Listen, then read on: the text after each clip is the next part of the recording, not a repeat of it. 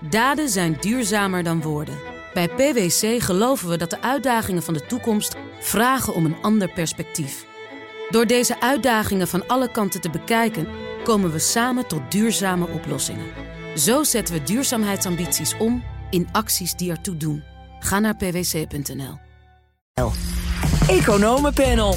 Dagen de BRICS-landen met hun uitbreiding uiteindelijk de G7 uit. En Jackson Hole was het podium waar uh, Fed-president en ECB-president Lagarde en Powell waarschuwden voor langer hoge inflatie. Dat en meer bespreek ik in het Economenpanel met Lucas Daalder, Chief Investment Strategist bij BlackRock, en Roelof Salomons. Daar komt de hele titel toch maar weer een keer van de Rijksuniversiteit in Groningen. Hoogleraar beleggingstheorie en vermogensbeheer. Klopt dat allemaal? Ja, helemaal goed. Heren, Goedemiddag. Fijn dat jullie er zijn. Jackson Hole dan. De inflatie is te lang te hoog, concludeerde Fed-president Jerome Powell. En uh, dat zei hij tijdens een belangrijke bijeenkomst in Jackson Hole... waar centrale bankiers elkaar hebben ontmoet. Verdere renteverhoging kan hij niet uitsluiten. Zijn collega Christine Lagarde van de ECB was iets minder duidelijk... maar zij wil de rentetarieven hoog genoeg houden... om de inflatie terug te dringen naar 2% En die 2% Roelof, is onwrikbaar. Dat blijft het uitgangspunt. Logisch zou je kunnen zeggen, heeft Powell of Lagarde jou op een andere manier nog verrast? Nee, die 2% is denk ik goed. goed. Het is ook goed dat ze daaraan vasthouden. Uh, er staat verder geen verrassing in dat ze zeggen van inflatie blijft langer hoog en we gaan gewoon naar terug naar 2%. Want ze moeten gewoon ervoor zorgen dat het anker van die 2% echt, echt blijft staan. En ik denk dat wat het leuke was eigenlijk alle andere papers die gepresenteerd zijn, waarin ze zeggen van ja, we hebben nu een tijdelijk probleem met inflatie, maar mensen let erop, ook op langere termijn blijft inflatie hoger en blijft rentes ook hoger. Maar als je moet concluderen, want daar ging het over, hè, structurele veranderingen ja. in een globale economie, dat dat misschien uh, toch op het spel komt te staan vanwege wat Lagarde zei, ik geloof protectionisme, flexibele ja. arbeidsmarkt, ja, onder andere energietransitie. Uh, is die 2% dan nog wel een haalbare kaart? Nou, die 2% moet juist dan een haalbare kaart zijn. Maar het betekent uiteindelijk dat het renteniveau om bij 2% uiteindelijk te komen, dat dat hoger komt te liggen. Dus je, in plaats van dat we de afgelopen jaren continu hebben gehad van langer laag, ga je nu naar herhalend hoog om uiteindelijk op dat niveau te blijven. Dat is zo de boodschap. Zo simpel is het? Zo simpel is het. Lucas, zo simpel is het, maar je mag nog wat aan toevoegen. Ja, nou, nou ik denk zelf dat uh, zo, zou, zo simpel zou het kunnen zijn. Het probleem is alleen als je goed luistert naar Lagarde, die zegt natuurlijk dat er een van de problemen is dat we steeds vaker tegen aanbodproblemen aankomen. En aanbodproblemen, je kan best altijd zorgen dat vraag en aanbod weer bij elkaar komen, zodat je zo die inflatie op die 2% krijgt. Maar dat, ja, op het moment dat je echt een tekort hebt aan aanbod, denk bijvoorbeeld aan, aan handjes, aan personeel, denk bijvoorbeeld aan olie, ja, dan kan je de rest, de vraag wel zo laag duwen dat, dat je economie weer in balans is. Maar dat gaat op een gegeven moment ook wel echt pijn doen. En dat vraag ik me dus af of dat nou, uh, natuurlijk als ik centrale bankier was, zou ik ook zeggen, 2% is 2%, ga niet nu veranderen. Maar of je praktijk ook inderdaad gaat zien dat ze echt zo strikt doorgaan tot die 2% weer helemaal op de borden staat. Dus dan heb ik het over 2,0, niet 2,9. Dat vraag ik me wel sterk aan. Wat denk jij? Ja, maar als we dat niet doen, dan heb je dus het probleem dat beleggers en consumenten, de hele private sector, gaat dan uiteindelijk denken van hé, hey, wacht, het is geen 2% meer. We gaan ons voorbereiden op 2,5, 2,9. Komt er terug in looneisen en wordt die aanbodkant alleen nog maar een groter probleem. Dus ja, nou dan denk ik ook, je moet goed in de gaten houden wat, wat er met de inflatieverwachting gebeurt. Maar op het moment dat je ziet die inflatie, en als je bijvoorbeeld naar Amerika kijkt, die inflatieverwachtingen zijn de afgelopen maanden heel stabiel, langzaam naar beneden gekabbeld. Terwijl die echte inflatie nog steeds heel hoog is. Ja, dus echte inflatie is de kerninflatie. De kern, ja, kern, maar ook de headline. Dus de, de inflatie is in principe wel enigszins teruggekomen. Uh, maar de verwachte inflatie, zeker op tienjarige basis, die is redelijk onder controle. Nou, als je in zo'n situatie zit, dan kan je best als centrale bank blijven claimen van nou, die 2% is heilig. Maar ben je eigenlijk heel tevreden als het op 2,7% uitkomt. Zolang maar niet iedereen gaat denken: oh, nu komt er elke keer 2,7 op de borden te staan. Maar, maar waarom zouden mensen dat niet denken als dat toch uh, nou, dat, dat... het uitgangspunt wordt, misschien niet expliciet gemaakt, van centrale bankiers? Ja, nou dat heb je, dat is je risico. Hè? Dus als je te lang, als je elk jaar weer 2,7% op de borden tovert uh, en je toch als met 2 blijft, blijft roepen, ja, dan, dan heb je het risico dat die verwachtingen in zijn eigen leven gaan leiden. Uh, er zijn ook wel degelijk voorbeelden waarbij dat absoluut niet het geval is. Dus dat je toch zag dat de consequent, dus het VK bijvoorbeeld heeft consequent altijd vrij hoge inflatie gehad. En dat je toch zag dat die lange termijn verwachtingen elke keer toch weer richting die 2% ging. Dus er is een soort van, ja, het is een subtiel spel, maar je kan dat spel wel spelen. Maar hoe subtiel is dat? Want ik heb nog gekeken, dat gaat dan specifiek over Europa, uh, naar de inflatieverwachtingen voor dit jaar, volgend jaar en 2025. 2025 komt de inflatie volgens de verwachtingen van de ECB ook nog altijd wel boven die 2% uit. Ja, nou dus ik denk, en dan, nou, nou kom je inderdaad op de, de, de vraag waar het echt om gaat. Wat, oh, voor inflatie, wat voor inflatie kijk je naar? Je hebt de inflatieverwachting zoals die in de markt geprijsd is. Nou, die kan je gewoon dagelijks van de borden lezen. Nou, die staat dus inderdaad zo'n beetje op 2,5, 2 en kwart in het VS, 2,5 in Europa. Dan heb je de inflatieverwachting van uh, consumenten. Uh, ja, die moet je ja, op een of andere manier uit een pool zien te halen. Ja, uh, de vraag daarbij heb ik altijd van, snappen die consumenten eigenlijk wel welke vragen gesteld wordt? Want je ziet dan, als je naar de samenstelling van de uitkomst van de poll kijkt, zie je dat er heel veel mensen ook zeggen van, nou, de komende vijf jaar komt er nul inflatie. Nou, dat is best onmogelijk. Ik heb meer het gevoel dat ze dan denken dat er komt nul prijsstijging. Ik weet niet waar ze het precies over hebben, maar het komt niet heel erg betrouwbaar over dat je denkt van, nou, dit is nou eigenlijk een, een, een, een doelgroep die snapt waar ze het over hebben. En dan heb je nog de producentenbedrijven. Uh, uh, producenten maar zeg je hier nu, het ligt eigenlijk aan de metingen? Eigenlijk wel. Dus je, hmm. wat dat betreft levert dit ook wel weer ruimte voor interpretatie. Even naar de wetenschapper in het geheel. Nou ja, in, in economische termen noemen we dit geldillusie. Uh, consumenten begrijpen vaak inflatie niet. En daarom werkt het ook zo goed eigenlijk om nou ja, inflatie een beetje als smeermiddel in de economie te gebruiken. Want je, je kan lonen niet zo makkelijk naar beneden aanpassen. Maar als je 2% inflatie hebt, dan ga je heel gezien er wel op achteruit. Dus dat is de economische theorie erachter. Daarmee kan je dus de boel wat smeren. Um, maar wat je eigenlijk ook ziet, en dat zegt Lucas ook... Van je hebt dus de komende jaren heb je al dat de beleggers in ieder geval... al niet geloven dat die 2% terugkomt.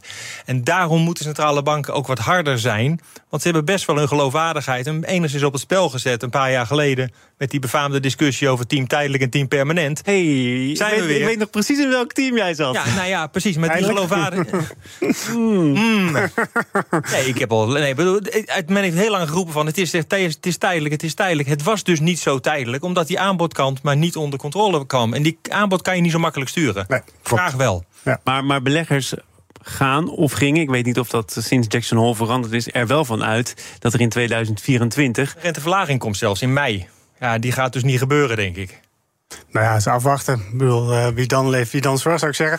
Uh, maar dat er op korte termijn... Ja, daarvoor nodig je niet uit, uh, Lucas. Nee, nee, maar kijk, ik, ik, ah, ik heb het al vaker gezegd. Ik vind dat we veel te veel aandacht besteden aan dat laatste kwartje. en op wat voor niveau zo'n zo'n rente lang... Is dat één maand, is dat zes maanden? Maar tien kwartjes bij elkaar is in één keer een fikse verhoging. En kijk, daar mag je dan wel weer aandacht aan geven. Maar één kwartje, daar, daar lig ik niet zo wakker van. En juist, juist bij zo'n kantelpunt waar je nu ziet... zie je dat er eindeloos veel aandacht uitgaat naar dit soort... ja, toch eigenlijk heel minieme discussies vind je het een kantelpunt? Want als je dat zo typeert, dan is het misschien wel belangrijk. In principe is dit wel wat, wat de markt zegt. Dus ook in principe wel wat de centrale banken zeggen. Er komt waarschijnlijk nog wel een kwartje bij, maar niet meer dan dat. We zitten hier wel dicht bij de top. Dat is eigenlijk wat je iedereen op dit moment hoort zeggen. En dan vervolgens zeggen centrale bankiers... maar we blijven wel langere termijn hoog, lang staan. Hoog dat staan. Is, en dat is dat de belangrijke boodschap dan het feit of er wel of geen kwartje bij komt. Want als je langer op een hoog niveau blijft... betekent het dat de houdbaarheid van schulden komt in het geding. Bedrijven zullen eerder in de problemen komen. Huizenprijzen zullen waarschijnlijk langer onder druk zijn. Financiële markten moeten zich aanpassen. Want de tijd van gratis geld is dan voorbij. Dus alle waarderingen die opgepompt zijn met de verwachting dat rentes nou ja, alleen maar naar beneden kunnen en inflatie altijd onder controle maar, maar is. Maar Powell zegt dit natuurlijk ook omdat hij, denk ik, tot de conclusie komt... nou, die economie, wat ik ook doe aan renteverhogingen... Draait als een dolle. Draait als een dolle. Dus klopt dan wel wat jij zegt dat allerlei zaken onder druk komen staan? Blijkbaar kan die economie dit allemaal aan. Ja, nou, het, uh, even als, als je de aandelenbeleggers dan even pakt, er zijn twee dingen die van belang zijn. Eén is wat is de rente en wat is de groei uiteindelijk. Uh, de groei is uiteindelijk de afgelopen tijd dus veel beter geweest. Dus daarom is die inflatie ook hoger. Is er economie draait op volle toeren. Maar de andere kant, hoe je verdisconteert kaststromen, je verdisconteert de toekomst tegen de rente. Die rente gaat ook omhoog. Dus het gaat om het spelletje van welk effect is belangrijker? Het groeieffect of het renteeffect? En ik denk dat aandelenbeleggers en obligatiebeleggers hier wel een ander, uh, ander beeld op dit moment hebben. Hm? Ja, nou, dat, dat verschillende markten andere beelden hebben, dat hoor ik wel vaker. Ik denk dat er uh, in aandelenmarkten zijn er andere zorgen. Dus denk bijvoorbeeld aan China, dat is een punt van zorg. Denk aan Europa. Europa, Europa de Europese groeicijfers zijn helemaal niet goed. We kijken altijd naar Amerika. Maar er zijn gewoon echt wel redenen tot zorg dat je denkt van god, die Europese recessie, uh, die uh, is niet alleen beloofd, die zit inmiddels ook ja, echt wel ja, in de precies, is het, als je zegt hij is, hij is al beloofd, is het dan wel een punt van zorg? Of is dat nou, de noodzakelijke consequentie van het beleid en misschien wel op zijn plek om die inflatie terug te dringen. Ja, helaas is dat denk ik wel de uitkomst voor Europa. met name ook als je kijkt naar die lonen, die zijn dit jaar te, te sterk gestegen. Of te sterk gestegen, die zijn zo sterk gestegen dat je de enige manier om inflatie enigszins onder controle te krijgen, is dat je echt met een economische verzwakking te maken krijgt. Anders krijg je het probleem van een zichzelf versterkend proces. Ja, daar ben ik van overtuigd. Nog even een open vraag tot slot. Want het ging om structurele veranderingen van de globale economie. Ik kan niet vaak genoeg zeggen, want zo breed, ontzettend breed. Iedereen kan er natuurlijk wat moois uitpakken. Als jullie nou zelf de agenda hadden mogen bepalen van Jackson Hole, wat had je dan geagendeerd? Nou, ik vind het agendapunt helemaal niet slecht. Alleen de focus maar, die... Maar, maar, maar ik, ik, wil, ik vind die agenda ook niet zo slecht. Maar dit thema is toch super breed? Ja, de economie verandert. Nee, nee, nee, maar dit thema is ook wel behandeld. Alleen wij kijken er met z'n allen nauwelijks naar. Dus iedereen kijkt naar de speech van Paul en haakt af. Uh, nou, er zijn er nog tien... Trouwens, die van, die van Lagarde was leuker eigenlijk. Ja, daarom. Ja. Maar dat zijn, dan heb je er nog tien over die luisteren naar Lagarde. Die zeggen, oeh, dat is leuk. Maar al die andere speeches en al die andere documenten die zijn behandeld... je hebt een hele uh, aardige studie van uh, Barry Eigengreen. Die wordt eigenlijk totaal ondergesneeuwd. Niemand heeft er wat over. Het kan nu. Ja, nou ja, die, Als je straks erover BRICS gaat hebben, komt hij nog wel. Ja, nou, uh, wat hij zegt is, kijk... Uh, de, dus uh, eigenlijk als je naar Lagarde kijkt, die zegt van, die herhaalt eigenlijk precies hetzelfde wat Isabel Snabel, ook van de ECB, vorig jaar heeft gezegd. Namelijk, vergrijzing is een probleem, uh, energietransitie is een probleem, geopolitiek is een probleem. Dat leidt tot allerlei problemen, leidt tot hoge inflatie. Nou, wat, wat ik alsmaar mis bij deze discussie is het punt wat Eigengreen dan heel duidelijk naar voren brengt. Schuld is ook een probleem. Ja. En uh, nou, daar hebben we het op dit moment niet over. Nou, dan weet je vrij zeker dat het dan de komende tijd opeens iedereen doorheeft. Dat dat toch eigenlijk ook wel een heel belangrijk thema is. Met als gevolg dat we daar opeens met z'n allen over gaan. Een ander paper wat heel leuk was om te lezen. Als we toch even dan uh, de beroepsdeformatie hier bij ons. Uh, Treasuries. Er zijn, er, zijn nog, er zijn nog een aantal andere papers die ook gepresenteerd ja. over de, de noodzaak om te innoveren. De noodzaak om te investeren. Om uiteindelijk arbeidsproductiviteit en productiviteit in het algemeen omhoog te krijgen. Ja, moest er toch wel weer een keertje gezegd worden? ja, dat moet wel gezegd worden. Want het staat al jaren onder druk productiviteit kabbelt al jaren een beetje naar beneden. En uiteindelijk is dat de enige manier om uiteindelijk lange termijn hogere groei te krijgen. Ja. Dat gezegd hebbende, het kon gewoon hier. Gaan wij naar deel 2 van dit panel, ook over schulden. BNR Nieuwsradio. Zaken doen. Thomas van Zeil. Lucas Daalder en Roelof Salomon zijn de leden van het economenpanel. En andere economen van Rabobank waarschuwen voor de tijdelijkheid van dalende schuldquotes in eurolanden met hoge staatsschulden. De bank benadrukt afgelopen dinsdag de noodzaak voor landen in de eurozone om proactieve maatregelen te nemen en begrotingstekorten te beheersen om toekomstige financiële ontsporingen te voorkomen. En dat allemaal in het licht van dingen die er waarschijnlijk goed uitzien. Italië werd als voorbeeld genomen. Landen hoeven eigenlijk niks te doen om hun schuld of quote van die schuld te zien afnemen. In Italië in een paar jaar tijd van 155% naar 130% Dat is wel lekker, Lucas. Zeker. Hoe zit dat rekensommetje in elkaar? nou, dat heeft alles met. Uh, de, ja, de, je kijkt naar schuld als percentage van het BBP. Dus je drukt het uit als de omvang van de totale economie. De omvang van de totale economie, daar kijk je normaal gesproken. Uh, als, als wij economen erover hebben, hebben we het eigenlijk altijd over de reële economie. Maar in deze rekensom kijk je niet naar de reële economie, maar naar de nominale economie. Dus als er inflatie in het systeem komt, zie je opeens dat die BBP keihard omhoog gaat. Dus uh, als je 7% inflatie hebt, nou, dat mag je gewoon bij je nominale BBP min of meer uh, optellen. Nou ja, als dan die schuld niet te veel stijgt in elk jaar, dan zie je opeens dat het percentage, de, de, de breuk die je daar ziet, dat die opeens een heel stuk verbeterd is. En dat is wat er gebeurt. Op het moment dat je inflatie hard ziet oplopen en de kapitaalmarktrente is nog niet gestegen, of de schuld is niet navenant evenveel toegenomen. Want dat had natuurlijk ook nog gekund. Dan zie je opeens dat je schuld... Maar dat geldt eigenlijk dat voor deze rekenmethode geldt... soms zit het mee, soms zit het tegen. En nu zit het mee. Ja. En kun je vraagtekens zetten bij die methode? Blijkbaar. Nou, je moet altijd je vraagtekens zetten bij, uh, bij iedere methode. Want het, iedere methode deelt een doel. Dit is gewoon een teller en een noemen. Dit is gewoon uh, lagere schoolbreuken. Ja. Um, de teller verandert niet, de noemen wel. En uh, daarom is het minder. Um, betekent uiteindelijk dat op het moment dat inflatie onder controle is of komt, dus als centrale banken gelijk krijgen en het komt onder controle, betekent dat die, dat die daling van de ja, tellen gedeelde de noemer uiteindelijk ten einde is gekomen. En dan, ja, dan is het andere sommetje, is, dan gaat het over rente en groei. Zolang de rente lager is dan de groei, is het allemaal geen enkel probleem. Als de rente hoger is dan de groei, ja, dan heb je wel een probleem. En die rente is natuurlijk wat hoger. Nou, nu is die rente Afgaande first. op uh, wat we net hebben besproken. Blijft dat misschien ook wel zo? Ja, ja, dus, dus je moet dan dus wel naar de toekomst kijken. Uh, dan gaat het trouwens over nominale rente en nominale groei. Om het even heel uh, helder... Ik zie Lucas al, al knikken, maar uiteindelijk gaat het hierom. Ja. Dus voor Nederland zien zitten we op 3% uh, rentes op de, op de obligatiemarkt. Nou, zolang de groei in Nederland nominaal boven de 3% is... geen enkel probleem. Um, dan is dat sommetje goed. Um, er is natuurlijk wel één effect wat er nog op lange termijn doorheen loopt. Is dat die rentelasten van de afgelopen jaren er zijn allemaal obligaties uitgegeven tegen 0% rente.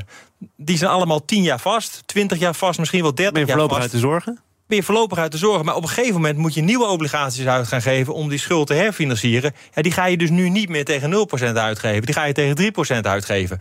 Of als Lagarde en Powell gelijk krijgen de komende jaren... wat ik net betoogd heb dat het vrij voor de hand ligt... gaat dat tegen hogere rentes. Ja, en dan krijg je dus wel dat de rentelasten als percentage van wat de overheid uitgeeft best wel hoog aan het worden is. Dus deelt de zorgen van deze economen? Ja, ik denk alleen dat in verkiezingstijd dit een vrij loze discussie gaat worden. Hebben die economen terecht geadresseerd dat dit uh, in de gaten gehouden moet worden? Technisch klopt het volledig. Uh, timing vind ik inderdaad niet erg uh, briljant. als ik dan inderdaad lees in zo'n rapport dat er de komende vijf jaar, ik ga het even voorlezen, de komende vijf jaar kan de, de rentelasten van Italië oplopen tot meer dan 10% van de overheidsinkomsten. Ja, komende vijf jaar. Uh, wie weet wat voor rente er over vijf jaar. Ik vind het altijd. Toch een beetje wie dan leeft, wie dan zorgt. Ah, ja, ja, nee, maar serieus, dit, uh, ik vind het prima hoor. Dus ik snap dat, dit, dat iemand dit meldt. Uh, ik vind dat er eigenlijk wel heel veel aandacht aan gegeven is. Maar dat je dit meldt, prima. Nou, je, mag het, je mag het melden. Maar er, er, wordt natuurlijk in Europa ook al een tijd ja. gediscussieerd en gedebatteerd okay. over Europese begrotingsregels. Over regels die Zeker. toch weer zouden moeten gaan gelden nadat ze tijdens corona overboord gegooid zijn. Over welke pad landen dan moeten bewandelen. Of naar streng in moeten zijn of niet? Ja, nee, wat dat vanuit die optiek vind ik het prima om dit aan te kaarten. Uh, en zie je ook eigenlijk dat overheidsfinanciën wereldwijd natuurlijk gewoon echt een beetje zijn doorgeschoten. Als je puur kijkt naar de tekorten die Amerika de afgelopen vijf jaar bij elkaar heeft uh, opgeteld. Ik geloof dat dat in 2020 15% was. Toen 10% van het BBP, hè, als percentage van het BBP. Toen is het van 5% en de komende jaar blijft het zo'n beetje rond een procent of 6 hangen. Nou, 6%, dat was vroeger was dat echt een no-go eh, area. Dat, dat, dat gebeurde alleen in hoge uh, recessies. Kon je eens een keertje een uitschieter van 6% hebben. Maar 3% gold toch wel een beetje als de gouden regel. Ja, dat is helemaal los op dit moment. Ja. En dat je daarover nadenkt, ja, terecht. Ook in Nederland, hè? Ik bedoel, die Europese discussie, daarin wordt heel duidelijk gezegd: Berlijn kiest voor een harde lijn. Ja tot voor kort wisten we dan wel bijna zeker eh, vaste bondgenoot was Nederland. Lijkt nu toch wat minder in beton gegoten. Is dat eh, wel te verklaren, Roelof? Ook als je kijkt naar het eigen begrotingsbeleid van Nederland de afgelopen jaren? Nou, ik denk dat ik me hier meteen aansluit bij wat Lucas net, uh, net zei. Ik denk dat we ook hier in Europa, maar ook zeker in Nederland... ook een beetje van het padje zijn geraakt. Dat we op een gegeven moment echt dachten dat we alles maar moesten compenseren. Ik geloof dat het Centraal Planbureau de compensatie-economie noemde. Ja, dat kon allemaal op het moment dat rentes nul waren. Uh, maar dat, die tijd is echt voorbij. Uh, en als je dit dan weet dat dit uiteindelijk gaat komen, dat die schuldenberg niet weg is. En dat als je niet uitkijkt dat je de schuldenlasten, het koekoeksjong, uh, het nestje uit te gaan duwen uiteindelijk. Terwijl je ook nog gezondheidszorg, defensie verduurzaming uh, ook allemaal kosten gaat maken... ja, dan wordt het wel tijd om even weer op je huisartsboekje te gaan letten. Ook in Nederland. Dan toch nog even naar wat Duitsland voorstelt in Europa. Onder druk van Duitsland is nu ingevoegd of toegevoegd dat landen met een begrotingstekort van meer dan 3% dat tenminste met een half procentpunt per jaar moeten terugdringen. En daarnaast mogen hun overheidsuitgaven niet sneller groeien dan de reële economie. En dus moet het schuldniveau na vier jaar lager zijn dan aan het begin. Nou, dat lijkt me een een mooie uitgangspunt. Een nieuwe zalmnorm bijna. Nou ja, maar daar wordt toch, daar wordt toch uh, ook in dit panel regelmatig voor gepleit. Ja, ik denk ben je een heel eind als je dit zou volgen? Je bent dan een heel eind, ja. Ik vind dat je heel traag bent als je dit volgt. Want uh, als je dus inderdaad begint met een, uh, een tekort van 10%... en gelukkig hebben we die niet in uh, Europa, niet dat ik uit mijn hoofd weet... maar je moet maar een half procent terugbrengen per jaar. Nou, dan ben je dus ben je een heel wat jaar verder nou, van je überhaupt bij die mensen die zeggen, joh, je hoeft niks terug te brengen... zolang jij duidelijk kunt maken dat je het aan defensiedoeleinden besteedt... Ja. of aan de energietransitie, dan zijn we wat minder streng. Ja, maar goed, ik, ik ben... Oh, jullie jullie zijn dan ook minder streng. Nou ja, kijk, ik, voor mij hebben we deze discussie hier al eens eerder gehad. Ik kan me niet herinneren. Nou, eh, nou oké. Laten we dan even zeggen. Je hebt overheidsuitgaven, die kun je als, als consumptieuitgaven zien of als investeringen zien. Alles wat je investeren op lange termijn leidt tot hogere groei voor de economie. Vind ik, op zich heb ik daar minder moeite mee dan het feit dat we alles maar gaan compenseren. Ja, het probleem is alleen dat je dan vervolgens al snel heel veel, veel van die boek, boekhoudkundige trucjes krijgt. Van uh, dat iets wat eigenlijk consumptie was, toch maar als investering wordt gezien en alsnog uh, in het juiste bakje valt. Uh, dus dat is het nadeel van dat soort aanpak. kijk, als je puur kijkt naar de ontwikkeling van schuld in de wereld. En dat is dus ook weer die studie van Eigen Green. Die zegt het ook van die is heel erg hoog. En er lijkt eigenlijk niet heel veel kans dat het op korte termijn teruggebracht wordt. Ja, dan moet je denk ik wel serieus over nadenken hoe je dan uh, denkt dat de wereld er over vijf jaar uitziet. Met vergrijzing, met een gezondheidszorg die uh, sterk, met defensie die we opeens allemaal weer naar 2% van het BBP willen tikken. Uh, ja, dat betekent dat je toch ergens moet nadenken. Er moeten keuzes gemaakt worden. En dat is natuurlijk wat we de afgelopen paar jaar eigenlijk helemaal niet meer gedaan hebben. De enige keuze die je had, op het moment dat dat het politiek bijvoorbeeld misging, meer geld. Ja. Ja. Dat kan niet meer. Kan niet meer. We gaan naar de BRICS-landen. En welke landen dat dan zijn, weten jullie het al? Ja, ik, nou, ik heb het gisteren nog het oude rapport even opgezocht uit 2001. Toen het nog ging over Brazilië, Rusland, India en China. En toen kwam Zuid-Afrika erbij. Zuid-Afrika 2009 erbij en nu krijgen we er nog weer zes bij. Ja, uh, ik ken ze wel hoor. Maar kom maar, ik kan ze voorlezen. Oh, oké. Okay. Ja, nou ja, ja Saudi-Arabië, Iran, Egypte, Argentinië en Ethiopië. En oh, en de Verenigde Staten. hij leest niet voor en vergeet er nog een. Een lijstje hele democratische landen, zullen we maar zeggen. Ja, ja, ik ben vooral verbaasd over Ethiopië. Hadden ze misschien nog ergens een E nodig in de, de letters gesoep of zo? Want ik weet niet helemaal wat dat hier de logica van is, maar goed. Het FD schreef in een commentaar... het zal vooral een platform blijven dat met hagel naar het westen schiet. Een goede reden om als westen in de spiegel te kijken... maar niet heel veel meer dan dat. Uh, in andere analyses kom ik dan toch weer tegen... ja, Saoedi-Arabië, olie, grondstoffen... het komt toch allemaal wel binnen handbereik van dat BRICS-blok. Nou, laten we het zeggen, laten we gewoon het BRICS-blok gewoon de China-blok noemen. Dan, dan maakt het het leven een stuk makkelijker. Want uiteindelijk is China gewoon 50% van het huidige blok al. En het zal in de toekomst ook zo blijven. Dus uh, vanuit, die, vanuit dat oogpunt begrijp ik het uh, volledig. Uh, dit wordt gewoon een machtsblok tegenover het, het Amerikaanse ja, Maar bij een machtsblok horen instituties, zoals bijvoorbeeld ook hun tegenhanger van de Wereldbank. Heeft dat nou kans van slagen of niet? Of een eigen munt, of een eigen geldsysteem? Nee, dan gaan we weer naar die eigen kringstudie van Lucas. Ah. Nee. Eigen munt, dat is denk ik vrij kansloos. Uh, de, als je puur kijkt hoeveel moeite de eurozone heeft om bij elkaar te blijven, terwijl we toch eigenlijk best wel redelijk ongeveer dezelfde hoek van de aarde zitten, dezelfde conjunctuur, dezelfde uh, structurele uh, achtergrond kennen. Ja, op het moment dat je dan Brazilië naar China gaat zetten en Rusland daarnaast en Ethiopië succes, daar zijn natuurlijk zulke totaal andere schokken. dat kan je nooit onder één munt scharen. Dus als, als dat het doel zou zijn, denk ik vrij kansloos. Dan... Nou, het was niet het doel, maar wel een gespreksonderwerp. Ja, het was een gespreksonderwerp. Nee, maar wat je wat je heel sterk ziet, is dat China natuurlijk eigenlijk een tegenhanger wil van de dollar. Maar je kan alleen een tegenhanger van de dollar zijn als je ook bereid bent om daar zelf eh, kosten voor te, te nemen. Dus China. Open kapitaalmarkt. Ja, open en dat, diep. Ja, dat, dat willen ze niet. niet. Dus dan kan je wel zeggen, oké, dan doen we het met een groepje landen zoals Rusland en, en uh, naar Brazilië. Maar ja, dat gaat ook niet werken. Ja, lekker met elkaar handelen. Ja. Nee, maar ik denk dat eigenlijk wat, ook, wat ook heel opvallend is, is dat hier zitten twee hele grote landen in die meer dan een miljard inwoners hebben. Die liggen ook nog naast elkaar, China en India. Die moeten met elkaar eens worden die zijn het al bijna niet met elkaar eens. Die kunnen het er niet eens over een grens eens worden. Dus laten we zeggen dat die het straks over een munt eens moeten gaan worden... terwijl ze allebei... Nee, nee, dat gaat niet Maar wat, wat wordt er wel bewerkstelligd door dat blok uit te breiden? Het China-blok, als, je, als ik jou tegemoet wil komen. Hè? Het gaat hier over uh, het aandeel dat ze hebben in het wereldwijde BBP. Dat ligt er niet om. Het gaat, zoals ik net al aanhaalde, over grondstoffen. Uh, misschien toch ook over veranderende geopolitieke verhoudingen. Een vuist maken tegen het Westen. Wat schieten die BRICS-landen hier liefst, want het is het economisch mee op? Nou, ik denk wat ze hier economisch mee opschieten, is dat ze uiteindelijk toegang hebben tot kapitaal van China uiteindelijk. En China heeft toegang tot grondstoffen, arbeid, land van de andere landen.